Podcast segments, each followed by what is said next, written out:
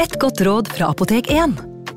Nå er snart pollensesongen i gang, og et godt råd til deg som sliter med pollenallergi, er å begynne behandlingen i god tid før allergisesongen starter. Da får du nemlig enda bedre effekt av legemidlene, og så blir ikke våren din helt ødelagt. Kom innom og få råd på ditt nærmeste Apotek 1, eller chat med oss på apotek1.no. Apotek 1 vår kunnskap, din trygghet.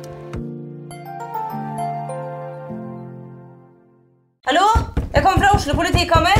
Ine Jansen er purk. Er du purk? The motherfucking bitch. Alt jeg vil, er å finne ut hva som skjedde med mannen min. Jon Carew. Er jeg sikta for noe? Iben Akeli. Det er du. Ole So, Lars Berrum og Big Daddy Karsten. Hvem sin side er du på, egentlig? Anette Hoff, Tone Danielsen, Kommer du fra Afrika? Jørnis Josef, Nesten. Kløfta. Trond Espen Seim, Det er synd å si det, men det var feil mann som døde. Purk. Premiere tirsdag på TV2 Play. Advarsel. I denne podkasten vil du høre historier basert på informasjon programlederne har funnet selv. Programlederne står ikke nødvendigvis inne for meninger og syn som fremstilles. Noen påstander kan avvike fra virkeligheten.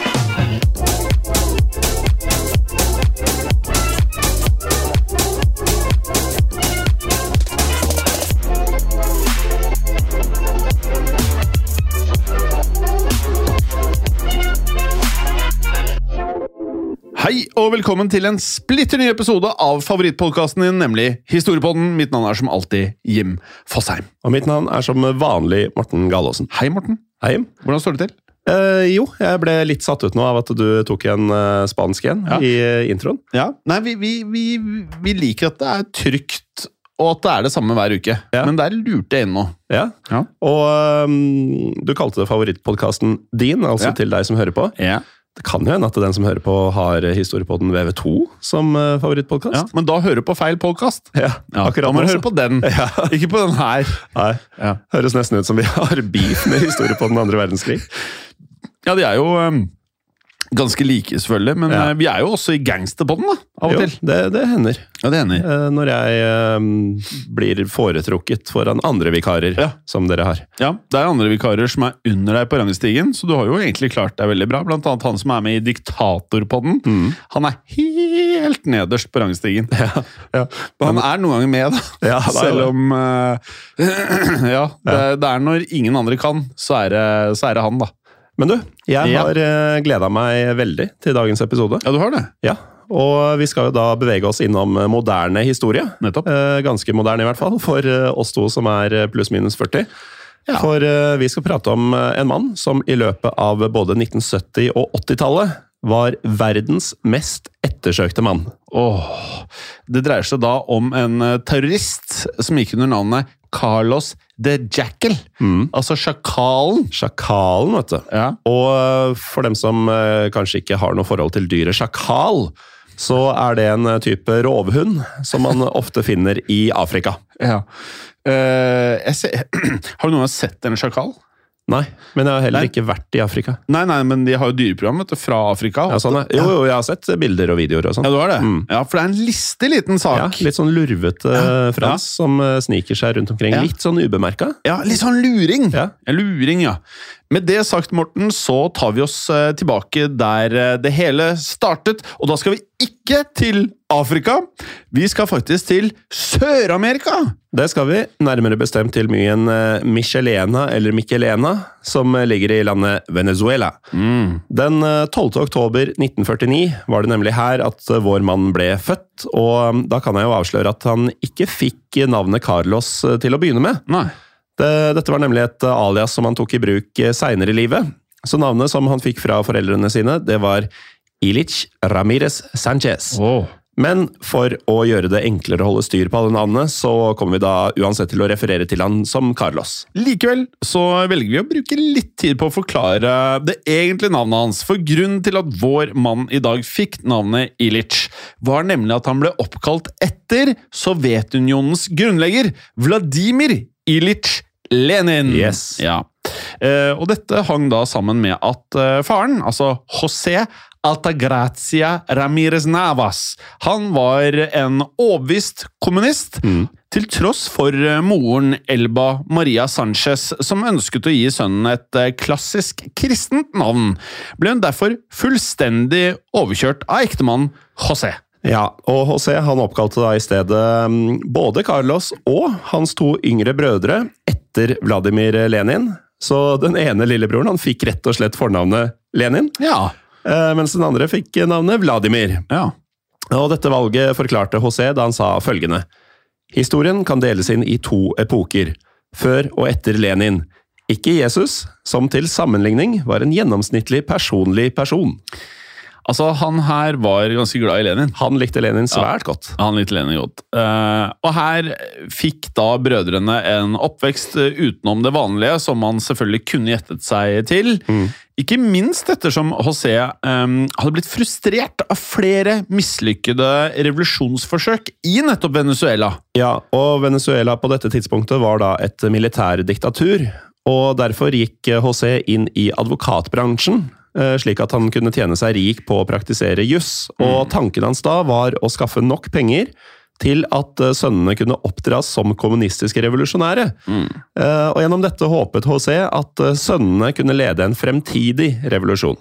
Ja, og Dette gjaldt da særlig eldstesønnen Carlos, som fikk en helt, helt spesiell plass i farens øyne. For som den førstefødte så skulle Carlos eh, nemlig oppdras til å bli en fullstendig perfekt revolusjonær. Og for å da kunne oppnå dette var José villig til å investere store summer, noe som da ikke var et problem, ettersom han da tjente gode penger, som du nevnte, som advokat. Og dermed så hyrte José inn en eh, rekke privatlærere, som da fikk i oppgave å gi sønnene en marxistisk eh, utdannelse. Heller ikke spesielt overraskende, kanskje. Nei. Og dette ble gjort da i eh, familiens villa, og her ble Carlos utdannet, i tråd med da farens visjon for hvordan en perfekt revolusjonær skulle være. Noe som ikke hindra Carlos fra å omgås andre barn på fritiden, og her tok han visstnok en lederrolle når det gjaldt å organisere barnas lek. Så utstyrt med plastpistoler, så fikk han f.eks. ofte de andre barna med på å leke politi og røver. Og I tillegg så skal Carlos ofte ha lekt med pil og bue, Ja. og slik vi forstår det, så lærte Carlos de andre barna hvordan feste metall på tuppene av leketøyspilene sine. Og det er en variant. Ja, Og da blir det jo litt skummelt, plutselig. Ja, det er litt skummelt. Eh, og slik eh, da at eh, de dermed kunne ta livet av fuglene. Så de, de skulle jo ta noe av dage her, altså. Ja. Men til tross da for at um, han ble oppfattet som en av de mer aggressive guttene i venneflokken, så skal Carlos også ha blitt eh, ertet av vekten sin. Og derfor ble Carlos ofte kalt El Gordo, altså eh, eh, tjukken. Ja, Rett og slett. Ja. Men har du sett uh, Scarface? Ja, ja. Ja, ja. Du vet, eh, eh, når han er på den nattklubben eh, Altså Al Pacino er i nattklubben, Michelle Pfeiffer står på dansegulvet der og tar noen moves, og, så skal han bli forklart hvem alle de andre gangsterne er. Ja. Så står han der, sjefen hans og bare viser de forskjellige gangsterne. Og så var den hissigste av gangsterne det var en fyr som de kaller El Gordo. Og så sitter det da, og det, da tror jeg det betyr gris. Ja, ja.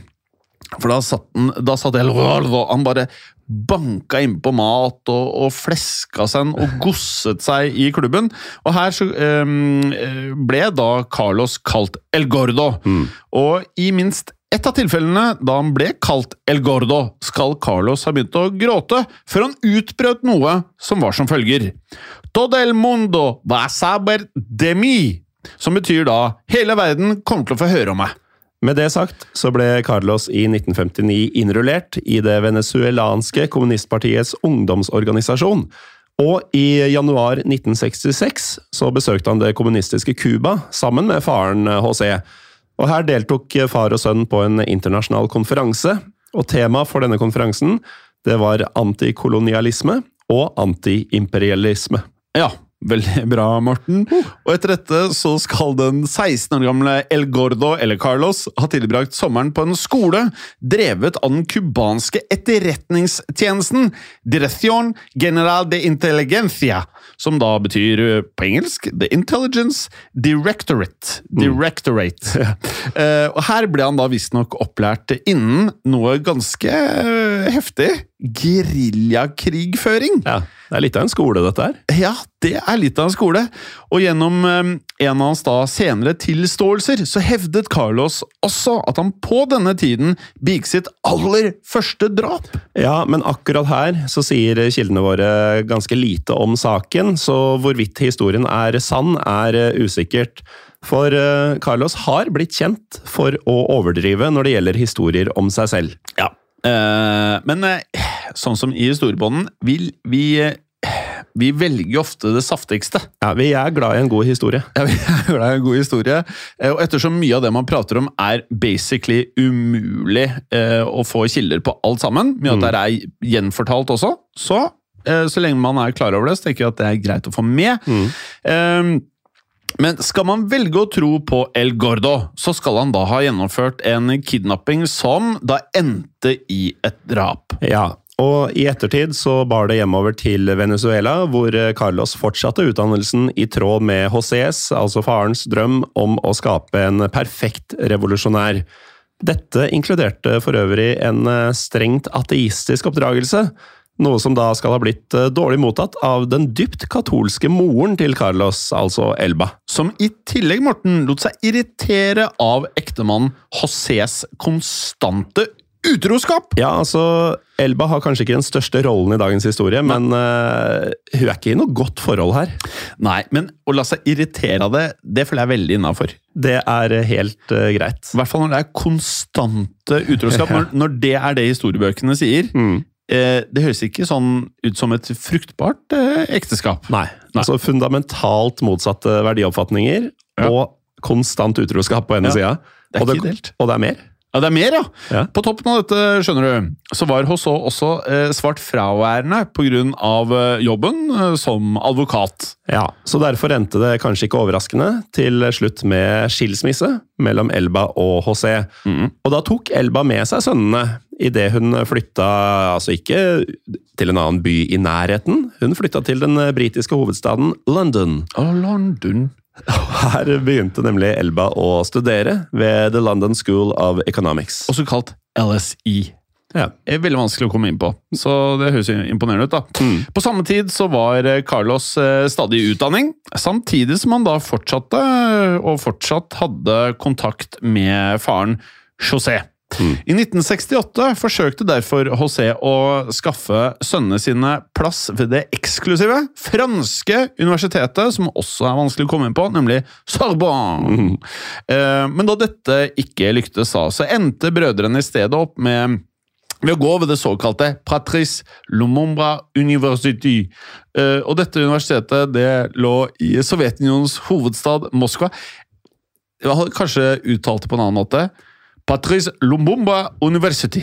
Ja, altså det, mm, Når du hører det navnet, så tror du kanskje ikke at det skal ligge i Moskva. Nei, Men eh, det hadde fått navnet sitt eh, til ære for eh, den kongolesiske statsministeren, som het Patrice Lumumba. så kanskje det første jeg sa var riktig. Det var det, skjønner du. Patrice Lumumba University. Ja, Um, Lumumba hadde motarbeida belgisk kolonialisme i Kongo, og hadde blitt myrda i 1961 i et komplott som da inkluderte belgisk etterretning. Og ifølge BBC, altså den britiske kringkasteren, så var eh, Patrice Lumumba University en såkalt notorious hotbed for recruiting foreign communists to the Soviet Union. Men her viste det seg at Carlos passet dårlig inn ved universitetet. Han var nemlig en elendig student, som var mest opptatt av å feste. Det kan jeg sympatisere med. Det kan jeg også, men eh, denne evinnelige festinga Ja. gjorde at eh, Carlos i 1970 ble utvist fra Patrice Lumumba University. Dermed var den akademiske karrieren hans over. I stedet så bestemte Carlos seg for å fortsette treninga som revolusjonær. Og det gjorde han hos den kommunistiske organisasjonen The Popular Front for the Liberation of Palestine, eh, også kjent som PFLP. Ja, som på dette tidspunktet kjempet for å opprette et fritt Palestina i områder som ble styrt av staten Israel. Dette planla da PFLP å gjøre gjennom geriljaføring og revolusjonære aktiviteter. Ja, og bare en liten stopp her. altså Utrolig mange av disse europeiske revolusjonære historiene fra 70- og 80-tallet eh, og før det også, for så vidt, de eh, har gjerne en tur innom Palestina, både for opptrening og andre ting. Eh, henger veldig ofte sammen. Ja. Um, men man organiserte da baser Eller man organiserte dette fra baser i et av Israels naboland, nemlig Jordan. Uh, og det var derfor til Jordan at Carlos nå tok turen. Og her gikk han da i gang med å motta våpentrening hos PFLP. Ja, og det var også her at han da for første gang tok i bruk aliaset Carlos, som han da fikk utdelt faktisk som et såkalt nom de guerre, altså krigernavn. Ja, Ja. Og det er alltid like kult begrep, det. Ja, det har du et nom de guerre. Nei, men jeg er jo uh, altså nesten enda mindre krigersk enn deg igjen. Ja. Så jeg vil ikke tro at du har et heller. Nei. Nei. men jeg heter eh, Jeg har jo sånn eh, navn når jeg spiller TV-spill, eksempel. Ja. Ja. Hva kaller du det da? Eh, det er faktisk bare Jim Fosse med store bokstaver. All caps? Ja, bare capslock. Oi. Ja, jeg tok det um, Det er ikke det feteste krigsnavnet jeg har, krigernavnet jeg har hørt. Du mener det er ikke det feteste nom du guerre? Det er det ikke. Nei. Um, slik vi forstår det, da, apropos nom de guerre, så skal Carlos egentlig ha ønska seg et helt annet navn. Et helt annet navn. Virkelig et annet, ja. Og det var Johnny. Og hvorfor vil man Ja, det er jo kult, da. Johnny. Ja, Det er jo kult. Han fikk da ikke oppfylt det ønsket, og han ble hetende Carlos. Med det sagt så kan jeg jo da legge til at eh, tiden i Jordan ble relativt kortvarig. I 1971 ble nemlig PFLP kastet ut av landet, noe som da gjorde at Carlos deretter ble sendt tilbake til London. Og her fikk han i oppgave å samle en liste over personer som skulle utgjøre potensielle mål for kidnapping eller attentat. Og det kulminerte i Carlos sitt første oppdrag, da han fikk ansvaret for å myrde Joseph Seif. Ja, og det var ikke hvem som helst, for eh, han var jo en mann som var visepresidenten for den israelvennlige Israel-vennlige interesseorganisasjonen The British Zionist Federation. De høres Israel-vennlige ut, det. Ja, slik at 30. desember 1973 så banket Carlos derfor på døren til CFs eh, hjem nettopp i London. Her ble Carlos møtt av en hushjelp som fikk beskjed om å føre Carlos til CF. Og da Carlos fant Sief, som befant seg på badet sitt, avfyrte Carlos et pistolskudd mot eh, hodet til Sif. Sief. Det som så skjedde, har blitt eh, beskrevet eh, slik. The shot bounced off Sief just between his nose and upper lip and knocked him unconscious. The gun then jammed and Carlos fled. Og dermed overlevde Sief utrolig nok dette drapsforsøket. Det var et veldig dårlig attentatforsøk. Ja, men altså skudd mot hodet Ja. fra relativt eh, kort hold, eh, Ja. skjønner vi. Ja. Og så Hva er du laga da? Hva, ja. Det bare Er det Rasputin igjen? Ja, det var litt Rasputin over det der. Men dette gjorde ikke at Carlos lot seg demotivere. Han gikk nemlig i gang med å utføre en rekke angrep på vegne av The Popular Front for the Liberation of Palestine. Dette inkluderte et mislykket bombeangrep faktisk mot en israelsk bank i London, det er ganske heftig, eh, og tre bilbombeangrep mot eh, franske aviser. Det er ganske heftige saker. Ja, han eh, starter Han går ut hardt. Hardt, ja. Eh, disse avisene da, de hadde jo blitt anklaget av PFLP for å være pro-israelske. Men eh, det var ikke nok med bare dette. For eh, fredag den 13. september 1974 så ble det nemlig gjennomført et angrep mot den eh, franske ambassaden i den nederlandske byen Haag. Og dette angrepet ble utført av en militant japansk kommunistbevegelse som kalte seg The Japanese Red Army. Og denne organisasjonen, som Japan hadde stempla som en terrororganisasjon, hadde som mål å skape en verdensomspennende revolusjon. Det er helt riktig, og siden begge organisasjonene var kommunistiske, så hadde det oppstått en allianse mellom PFLP og The Japanese Red Army. Og dermed ble Carlos da innblandet i angrepet på den franske ambassaden. Som ble utført for å presse frem løslatelsen av The Japanese Red Army-medlemmet Yoshiaki Yamada. Yamada satt nemlig fengsla i Frankrike, så da tre bevæpnede japanere tok seg inn på den franske ambassaden, hvor de så tok flere gisler, krevde de derfor følgende hjem. Ja, løslatelsen av Yamada, 1 million dollar og tilgang på et fransk fly. Eh, og dette høres ut som sånn tekstbook eh, Hollywood-film, noe du ber om. Eh, vi kan fortelle at 1 million dollar det tilsvarer omkring 60 millioner kroner en dag i dag. Ja, Så det er mer penger enn det kanskje hørtes ut som Ja, med en gang. Det er meget. Etter en gisselsituasjon som varte i fem dager, så gikk den franske regjeringa så med på å løslate Yamada, faktisk. I tillegg så fikk gisseltakerne utbetalt 300 000 dollar, en sum som da i dag utgjør eh, 18 millioner kroner, så litt under en tredjedel av det de krevde. Og på toppen av dette så ble de tre japanerne, som nå hadde fått selskap av Yamada, og da var fire japanere, flydd ut av Haag med et eh, Boeing eh, passasjerfly. Ja, og derfra så satt de kursen mot Syria, hvor eh, flyet da landet i hovedstaden Damaskus. Og der ble gisseltakerne fratatt eh, både våpner og løspenger, som da ble returnert til den franske ambassaden i Damaskus. Og da lurer kanskje mange nå på eh, hvor Carlos befant seg oppi det hele her. Ja, for vi har jo bare sagt at den er involvert, men vi har Ja. ikke nevnt den ennå, så jeg kan jo da avsløre hvor han var. Samtidig som gisselsituasjonen pågikk i Haag, så utførte nemlig Carlos en terroraksjon i Paris. Han var aktiv, altså. Han var aktiv.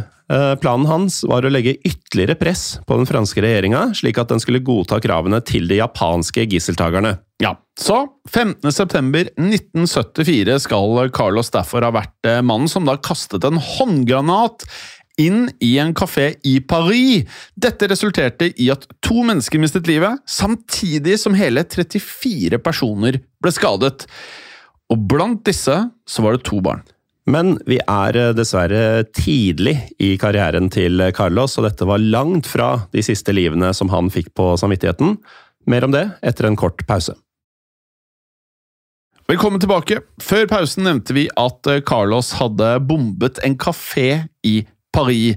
Dette var eh, så å si egentlig starten på en rekke dramatiske angrep som gjorde at han snart ble verdens aller mest ettersøkte mann, og det er ikke en liten sak. Det er Den en- mest ettersøkte personen i verden. Ja, og du sier en rekke dramatiske angrep. Ja. Altså Blant disse så var eh, to mislykkede forsøk på å skyte ned to israelske fly med rakettkastere. Eh, disse forsøkene skjedde den 13. og 17. januar 1975 eh, ved flyplassen Orly i nærheten av eh, Paris.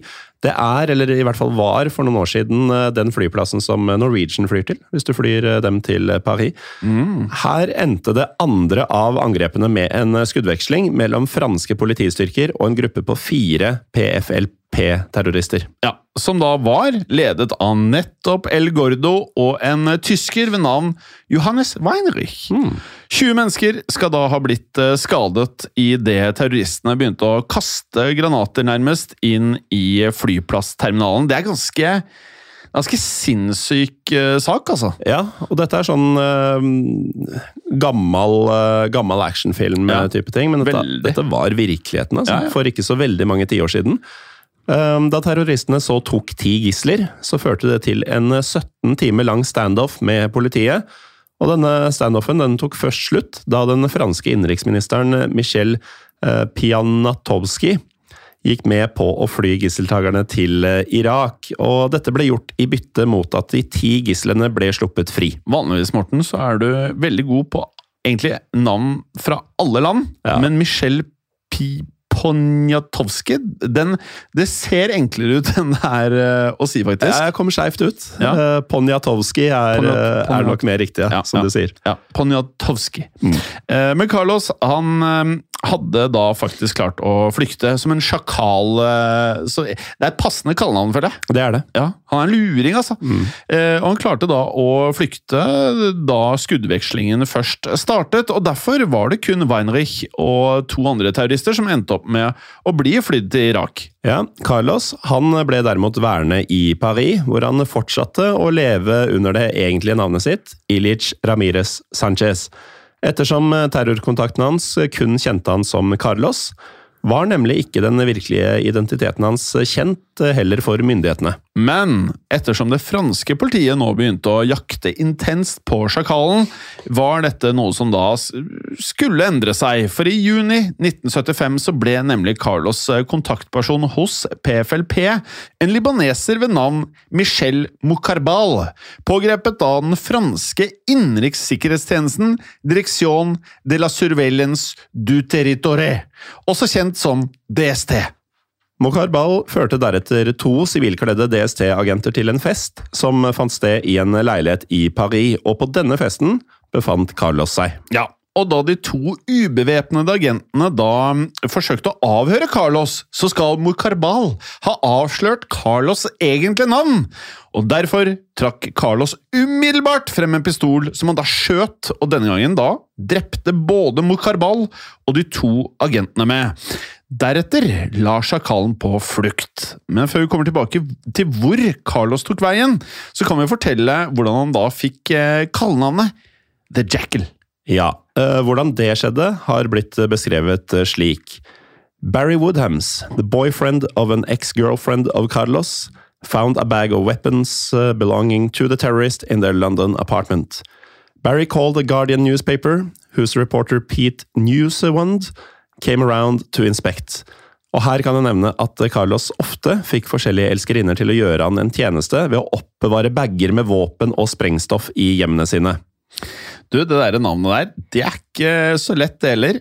Peter For det skrives Niesewand. Ja, og det, det er liksom ikke et typisk uh, britisk reporternavn. Nei, det er eh, på ingen måte det. Eh, og da han besøkte denne leiligheten, så var det likevel ikke bare våpen som da fanget reporteren Newsevans oppmerksomhet. For å høre på dette. Newsewand saw a copy of Frederick Forsyth's novel The Day of the Jackal on the bookshelf and concluded that Carlos had been reading it. The next day, in its front page world scoop, The Guardian christened Carlos the Jackal. Except the book didn't even belong to Carlos at all. It belonged to Woodhams. Carlos the Jackal had probably never even read the book he was named after. Altså, det, det er ikke bare bare. Én ting er navnet på Nisewand eller Newsewand eller noe sånt, men um, det, det, var kompliserte setninger. Ja, det, ja og jeg du- er ikke god på andre språk, tydeligvis. Men du, uh, du gjorde det levende. Takk. Men uansett da, så um, kan det da virke som om han fikk navnet Sjakalen eller The Jackal ved en slags tilfeldighet. By eller- mistake. Ja, mistake. Men uh, med det sagt, så hopper vi til der Carlos nå befant seg. Ja, for Carlos hadde nemlig forlatt Paris og tatt seg til Belgium. Og derfra så hadde han da flyktet videre til Libanon. Og i Libanon så deltok han så i planlegginga av en ny aksjon på vegne av The Popular Front for the Liberation of Palestine. Denne gangen var målet den såkalte Organization of the Petroleum Exporting Countries. Det er mye navn her. Ja, Ja. det er det. Men eh, du vet sånn, når man ser eh, Jason Bourne, altså Triple X, James Bond, alle disse her, eh, så er det mye sånn fake pass, man er mye på fly, tog, reiser mye. Altså, dette, han er kanskje ikke en snill agent, men det er mye sånn agentvirksomhet. Ja, og så har han helt sikkert uh, Altså, dette er jo 70-80-tallet, ikke sant? Han må jo reise rundt med en litt sånn her, eh, sliten sånn stresskoffert i skinn, full av både sedler i forskjellige valutaer. For det var jo ikke euro på denne tida, ikke sant? Innsiden av beltet. Men sånn Belgia og Frankrike, for eksempel. Ja. Forskjellig valuta for ikke så veldig lenge siden. Ja. Så du har sikkert sånn feite bunker med sedler i forskjellige valører, og masse falske pass forskjellige land. Det har jeg ikke tenkt på, faktisk. At man tenkte forskjellig valuta. ja. Men, Slitsomt. men men tror du ikke dollar funka overalt? Helt sikkert, men Jo. du måtte nok veksle det om for den der hverdagslige bruken. Ja.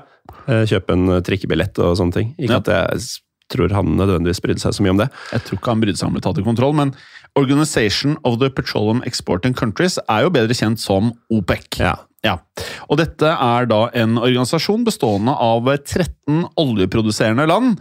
Og medlemmene inkluderer da blant annet eh, Saudi-Arabia, Iran, Irak, Nigeria og Carlos sitt hjemland, Venezuela. Ja, og jeg kan jo fortelle at eh, OPECs hovedkvarter ligger i den østerrikske hovedstaden Wien. Og det var nettopp her at Carlos gikk til aksjon. Altså, jeg syns egentlig vi alltid må si Vienna. Ja, ja Vi sier det alltid. Paris. Ja. Altså, Eh. Wien, Vienna høres veldig mye bedre ut enn Wien. Ja, ja vi kan prøve prøve å Huske ja. på det. Mm. Ja, vi kan prøve. Den 21. desember 1975 var nemlig OPEC-landene i ferd med å gjennomføre et møte i hovedkvarteret I Vienna. i Vienna, og derfor var flere av medlemlandenes oljeministre til stede, selvfølgelig. Det de ikke visste, var at sjakalen hadde lagt en plan om å ta elleve oljeministre som gisler. Ja, Han skulle mm, ta elleve som gisler, og i tillegg så planla han å kidnappe og henrette de saudiarabiske og iranske oljeministrene, eh, henholdsvis eh, Ahmed eh, Saki Yamani og Jamshid Amuzegar. Og Idet vi går videre, så må jeg si at eh, angrepet på OPEC det kan minne en hel del om den første Die Hard-filmen, Jim. Ja, det gjør det faktisk. For å gjennomføre planen så hadde nemlig Carlos eh, samlet et team som til sammen utgjorde seks tungt bevæpnede terrorister. Dette inkluderte vesttyskerne Gabriel Krøcher Tiedemann und Hans Joachim Klein. I tillegg så besto teamet av en libaneser ved navn Anis al-Nakash og en syrer ved navn Kamal Keir Baik. Navnet på den eh, siste terroristen har vi derimot ikke klart å oppdrive, men eh, med det sagt så tok Carlos og dette teamet hans seg inn i hovedkvarteret til OPEC. Og det har blitt beskrevet noe sånn som slik. Carlos led the team past two Austrian police officers in the building's lobby and up to the first floor, where a police officer, an Iraqi security guard and a young Libyan economist, Yusuf al-Azmali, were shot dead. Deretter tok Carlos seg til konferanserommet, hvor møtet mellom oljeministrene fant sted, og her annonserte han ankomsten sin ved å spasere inn i rommet og, på beste Die Hard-villain-stil, avfyre en rekke maskinpistolskudd i taket. Altså, det er helt vanvittig. Ja. Eh, noe som da gjorde at eh, ministrene umiddelbart kastet seg ned under konferansebordet. Det hadde jeg også gjort, eh, tror jeg. Eh, og deretter ble oljeministrene og resten av bygningens personale tatt som gisler. Det totale antallet gisler som da eh, til slutt utgjorde en hel del flere, nemlig 63 personer. Ja, og gislene ble deretter delt inn i grupper på følgende vis. Delegates of friendly countries were moved towards the door. Neutrals were placed in the center of the room, and the enemies were placed along the back wall next to a stack of explosives. Det er heftig, altså. Ja, De har lengst vei ut, og det er uh, masse sprengstoff ved siden av dem. Ja, eh, og da det så ble innledet gisselforhandlinger med politiet, så krevde sjakalen å bli fraktet til den nærmeste flyplassen med en buss. Samtidig krevde han at de østerrikske myndighetene skulle lese opp en beskjed om situasjonen i Palestina.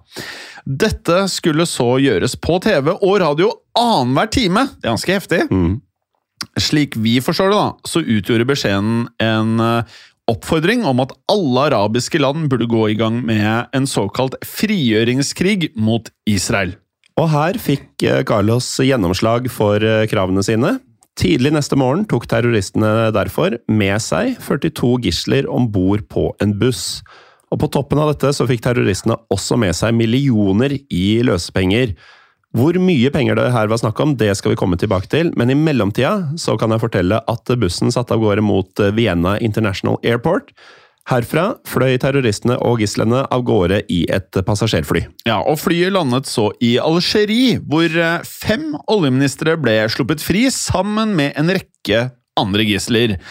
Men på dette tidspunktet så hadde sjakalen fortsatt ti gisler igjen på flyet. Dette inkluderte den saudi-arabiske oljeministeren Yamani og den iranske oljeministeren Amuzegar. Disse to planla Carlos, som nevnt tidligere, å henrette.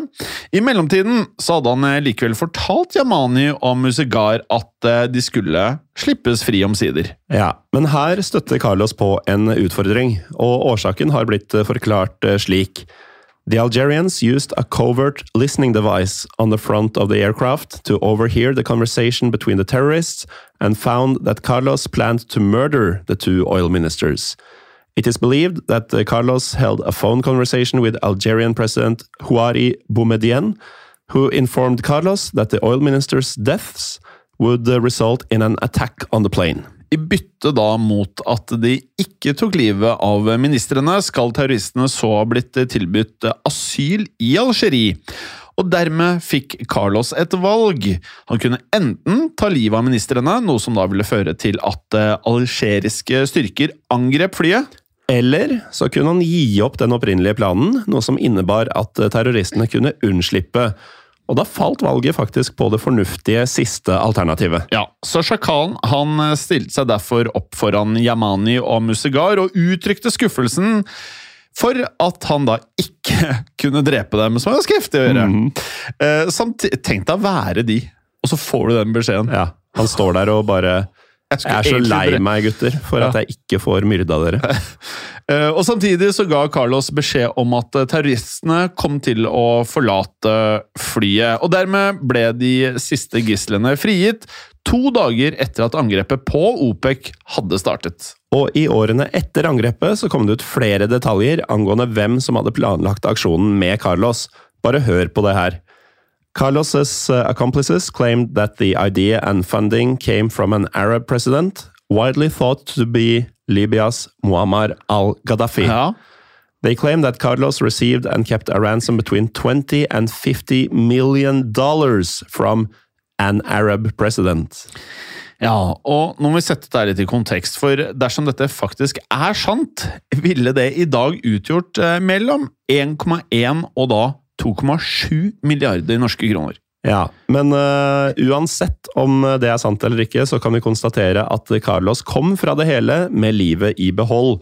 Enten med eller uten 1-3 milliarder kroner. Mm. Um, og da fortsatte han å kjøre på i samme stil. Han uh, bosatte seg først uh, i landet Jemen, hvor han grunnla det som han kalte The Organization of Armed Struggle denne gruppa besto av syriske, libanesiske og tyske revolusjonære. Ja, og Deretter skal eh, Carlos ha fått en eh, god tone med det hemmelige østtyske politiet, nemlig Stasi.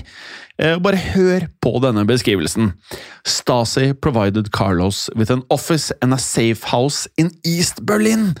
A support staff of 75 people, a service car, and allowed him to carry a pistol while in public. From here, Carlos is believed to have planned his attacks on several European targets. Og dette her, hvis ikke det her er en spionfilm, mm. da er det ingenting som er det, altså. Da er ingenting det. Altså, dette her er eh, Merker du det? Mm. Altså, dette her er virkelig sånn jeg kan Jeg har sett så mange filmer som basically er dette.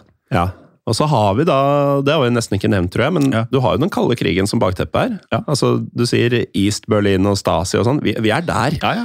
Så det er, eh, det er, mektige fiender, eller venner, ja. som han har fått seg her. Ja, ja. Um, samtidig som Carlos planla nye terroraksjoner, så gifta han seg for eh, aller første gang. I 1977 så introduserte nemlig hans terroristvenn Johannes Weinrich Carlos for en vesttysk kvinne ved navn Magdalena Kopp. Ja, som i løpet av kort, kort tid ble Carlos sin første kone. Og dette ekteskapet har blitt beskrevet slik. Magdalena followed Carlos to Budapest, East Berlin and Paris. Ordered by him to commit terror acts, she was arrested in a car full of explosives in February 1982 in Paris parking lot. Ganske eksplosivt eh, ekteskap. Det må det være lov å si, Jim. Eh, til tross for at han nå var verdens mest ettersøkte mann, så viste nemlig Carlos ingen tegn til å gi opp eh, sin karriere innenfor terrorisme. Og da kona Magdalena ble arrestert, så utførte han en bølge av terrorangrep i Frankrike. Og Målet var jo da å presse de franske myndighetene til å løslate Magdalena. Ja, slik at 29.3.1982 eh, gikk det derfor av en bombe på et tog som etterlot fem døde og hele 77 skadde mennesker. Den 22. april 1982 eksploderte så en bilbombe i Paris, som da tok livet av én person og såret 63. Den 31. desember 1983 gikk det deretter av enda en bombe. Denne gangen på en jernbanestasjon i byen Marseille. Her mistet to mennesker livet, samtidig som 33 personer ble skadet. Og du lister og lister og lister opp, men dette var bare noen av bombeangrepene ja. som Carlos gjennomførte i løpet av denne tiden. Ja. Likevel så endte Magdalena opp med å sone ferdig fengselsdommen sin. Men ettersom denne dommen bare var på fem år, så tok det faktisk ikke lang tid før hun da ble gjenforent med Carlos. Og dette skjedde i den eh, syriske hovedstaden Damaskus i 1985. Og det var også her at eh, Magdalena fødte Carlos en eh, datter som fikk navnet Rosa. Fødselen fant sted 17.8.1986, men slik vi forstår det, Morten, så skal Magdalena deretter ha blitt utvist fra Syria, og dermed endte hun opp med å bosette seg i Venezuela sammen med Rosa. Og ifølge våre kilder da, så tok ekteskapet med Carlos dermed slutt. Og Derfor ble Carlos værende i Damaskus, der den syriske regjeringa tvang han til å avstå fra å planlegge nye terroraksjoner. Men i 1990 så forsøkte Saddam Husseins Irak å rekruttere Carlos til å jobbe for landet. Og igjen er det så sprøtt at dette her ja. Er ekte ja, fortellinger, Jens. Det er så vilt. For eh, på dette tidspunktet så støtta mm, Syria faktisk USA. Mm, som da var i ferd med å utkjempe den første Gulfkrigen mot Irak. Da irakerne da tok kontakt med sjakalen, utviste de syriske myndighetene sjakalen derfor fra Syria. Deretter dro han til Jordan, men siden også Jordan var fiendtlig innstilt mot Irak, ble Carlos igjen kastet ut av landet. Jeg kan jo bare nevne her at um, både Jordan og Syria har ganske store landegrenser mot ja. uh, Irak. Ja. Så det er uh, et veldig klart valg de har tatt her, da. Veldig. Um, vel å merke ikke uten at han da først møtte det som ble hans andre kone. Og dette var en jordansk kvinne ved navn Lana Jarar som deretter ble med Carlos videre, denne gangen til Sudan. Mm. Her bosatte han seg i hovedstaden Khartoum, og det var omsider her at Carlos ble pågrepet. I 1994 så sjekka han nemlig inn på et eh, sudanesisk sykehus. Der skulle Carlos gjennomføre det som har blitt beskrevet som a minor testicular operation. Ja, men det Carlos ikke visste, var at både fransk og også amerikansk etterretningstjenester hadde blitt enige om å samarbeide med de sudanesiske myndighetene. To dager etter operasjonen hans så fikk sjakalen derfor beskjed om at han skulle flyttes til en villa. Carlos ble da fortalt at dette var for å beskytte han mot attentatforsøk, og derfor fikk han også tildelt egne livvakter. Ja, Men da Carlos eh, deretter la seg for å sove i denne villaen, så gikk disse livvaktene inn på soverommet hans, og her bedøvet de Carlos før de bandt ham fast og bar han ut av huset. Før han så ble overlevert til en gruppe agenter fra den franske sikkerhetstjenesten Direction de la Surveillance du Territoire. Eller som altså, jeg bare kaller DST. Ja, tidligere nevnte DST. Og disse agentene de frakta så Carlos til Paris. Uh, hvor han da uh, i tur da ble stilt for retten, anklaget for drapene på to franske tjenestemenn og den gamle PFLP-kontakten sin, nemlig Michel Mokarbal. Disse drapene hadde som nevnt da funnet sted tilbake i 1975. Og Rettssaken mot eh, Carlos den starta så i, og dette er nyere tid virkelig, ja. 1997. Eh, her ble han funnet skyldig og dømt til fengsel på livstid, men fra den franske fengselscella si har Carlos fortsatt å skape overskrifter. Han skal f.eks. ha utveksla sporadiske brev med den nå avdøde venezuelanske presidenten Hugo Chávez, og i 2001 så konverterte Carlos til islam. Før han deretter giftet seg med advokaten sin, og her må du hjelpe meg litt, eh, Morten, Isabel Contant Peir. Ja, noe sånt, tenker jeg. Ja. Det, det, er ikke veldig lett. Ja, det er ikke så lett. I det vi forstår, skal ha vært en muslimsk bryllupsseremoni. Ja, og denne seremonien ble gjennomført uh, selv om Carlos på papiret fortsatt var gift med tidligere nevnte Lana Gerard. Etter arrestasjonen hans så skal Lana imidlertid ikke hatt noen kontakt med Carlos. Og som du da eh, nevnte, Morten, så har Carlos eh, fortsatt uh, å stå da for overskrifter. For i 2003 mm. så uttrykte han f.eks. støtte for Osama bin Ladens angrep på USA. I senere år så har da Carlos også blitt stilt for retten for flere av bombeangrepene som han da gjennomførte tilbake på 70- og også på 80-tallet. Men det at han i 2003, eh, altså da snakker vi etter 30 år med denne typen aktivitet, mm. at han fortsatt uttrykker eh, støtte til den type ting Dette er en fyr som har vært drevet av ideologien sin mm. alltid. Altså, mm. han, han, brenner for eh, hva du enn nå vil kalle den saken her. Ja, og, nei, ja, virkelig. og har gjort det hele livet. Innbitt type. Mm. I eh, 2011 så mottok han eh, derfor eh, livstidsdom eh, nummer to, altså pga. at det ble flere rettssaker for disse bombeangrepene, før han i eh, 2017 fikk en tredje livstidsdom. Så Carlos, som fyller 73 år den 12. oktober 2022, har likevel forsøkt å rettferdiggjøre handlingene sine. Ja, for eh, fra fengselscellen så har han eh, blant annet sagt følgende When one wages war for 30 years, there is a lot of blood spilled.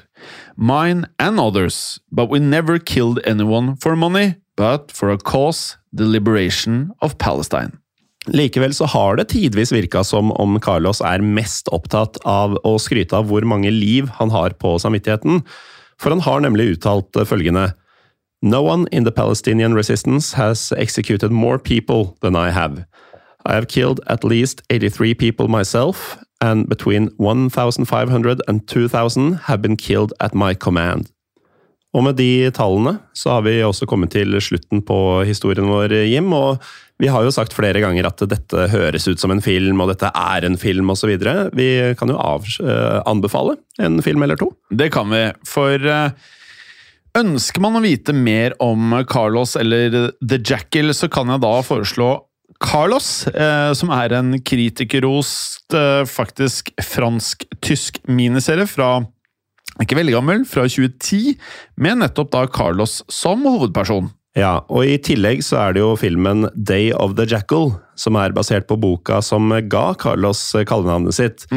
Filmen, som er fra 1970, handler om et fiktivt attentatforsøk på den franske presidenten, som da var Charles de Gaulle. Eh, Her får det franske politiet i oppgave å stoppe den eh, mystiske attentatmannen, som kun er kjent under dekknavnet The Jackal. Ja. Eh, med det så eh, føler jeg Det er jo lett å sitte og si etter hver episode, men det er kanskje noe av det mest sånn agentete.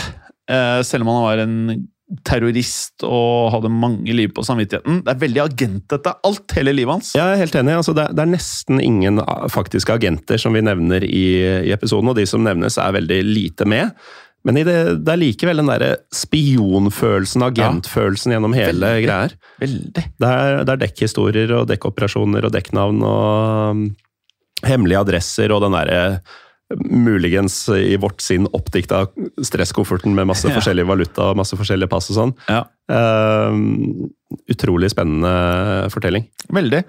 Um, og med det så har vi en annen podkast som heter Historiepodden andre verdenskrig. Ønsker du å høre mer av oss, og du er helt ny til Historiepodden, sjekk ut historiebånden, Du skriver bare historiebånd www2, og så finner du oss der. Mm.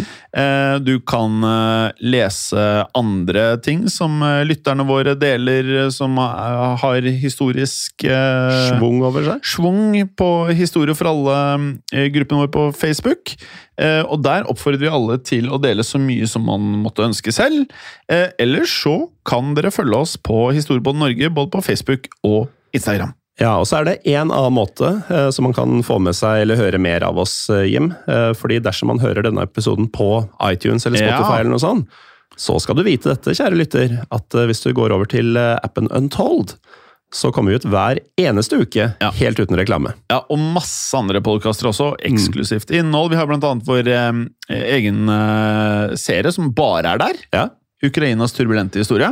den er turbulent. Den er meget turbulent. Noe av det mest interessante vi har laget, syns jeg. Mm. Ja. Eh, Morten, dette her har skjedd. Utrolig nok. Og det kan skje igjen. Ha det bra. Ha det. Historiepodden ønsker å takke følgende. Dere som hjelper oss som sitter i produksjonen.